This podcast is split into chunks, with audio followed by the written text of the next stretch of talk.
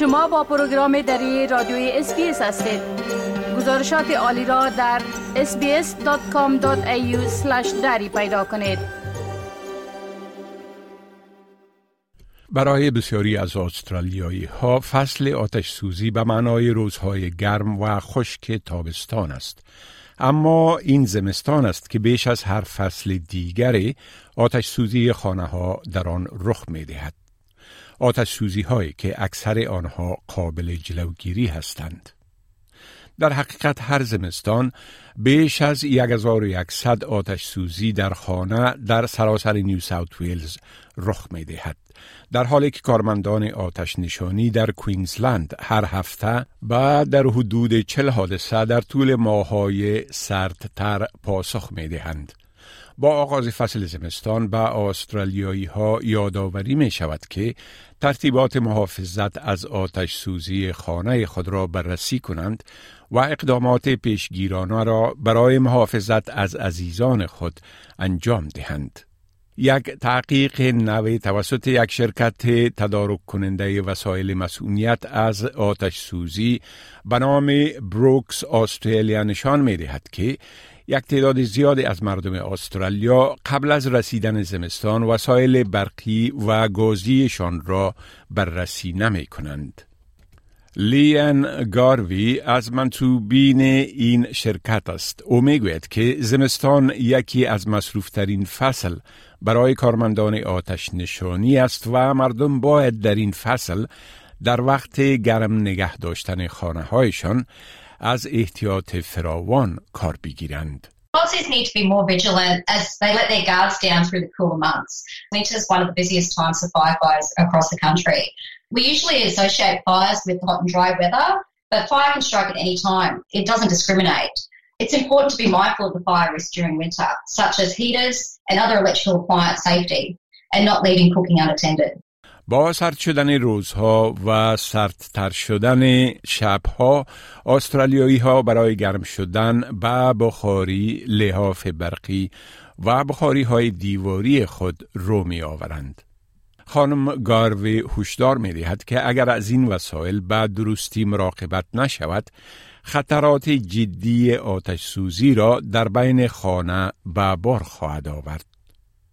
او می‌گوید که تحقیقات جدید بروکس استرالیا نشان می دهد که از هر شش والدین استرالیایی یک نفر لحاف برقی خود را قبل از خواب خاموش نمی کند در حالی که تنها یک چهارم آنها بخاری برقی یا گازیشان را قبل از استفاده از آن در زمستان بررسی می کنند. As the days get cooler and the nights get cold, Aussies are trying to stay warm.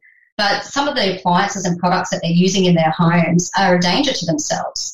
And the reason being is if they're not looked after properly and if they're not checked before they actually use them within these colder months, it could lead to a disaster like a fire happening within their home. New research from Brooks Australia shows that one in six Aussie parents don't turn off the electric blanket before sleeping, while a quarter of the population haven't even checked their electrical gas heaters before using them each winter. کاتی برند مدیر عامل بروکس استرالیا می‌گوید با وجود افزایش خطر آتش سوزی اقدامات وجود دارد که استرالیایی ها می توانند برای محافظت از خانواده و خانه خود انجام دهند. او از همه خانواده های استرالیایی می خواهد که در مورد شیوه های ایمنی آتش سوزی خود غور کنند و برای کاهش خطرات احتمالی در اطراف خانهشان و خصوص در فصل زمستان سعی و تلاش نمایند.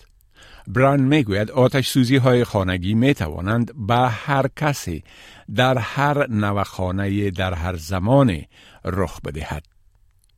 با افزایش فشارهای مصارف زندگی، خانواده های استرالیایی سعی خواهند کرد تعادل کامل را بین گرم نگه داشتن خانه خود و عدم پرداخت مخارج سرسامآور اشیا پیدا کنند. و این ممکن باعث شود که مردم در صدد پیدا کردن محصولات ارزانتر برای گرم کردن خانه هایشان گردند.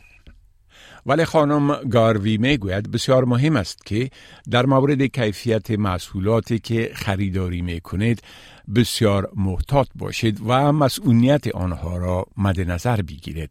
چون وسایل گرم کننده غیر مسئول نه تنها ممکن باعث آتش سوزی شوند بلکه به مسمومیت گاز کربن مونوکساید هم منجر شده می تواند.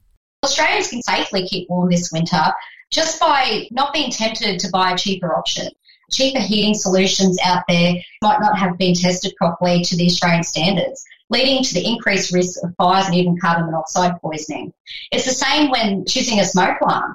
It may seem like a bargain at the time, but it could fail when you need it the most. And you need to make sure that you're paying for what you get. So you want to make sure that the product that you're buying is going to protect your family.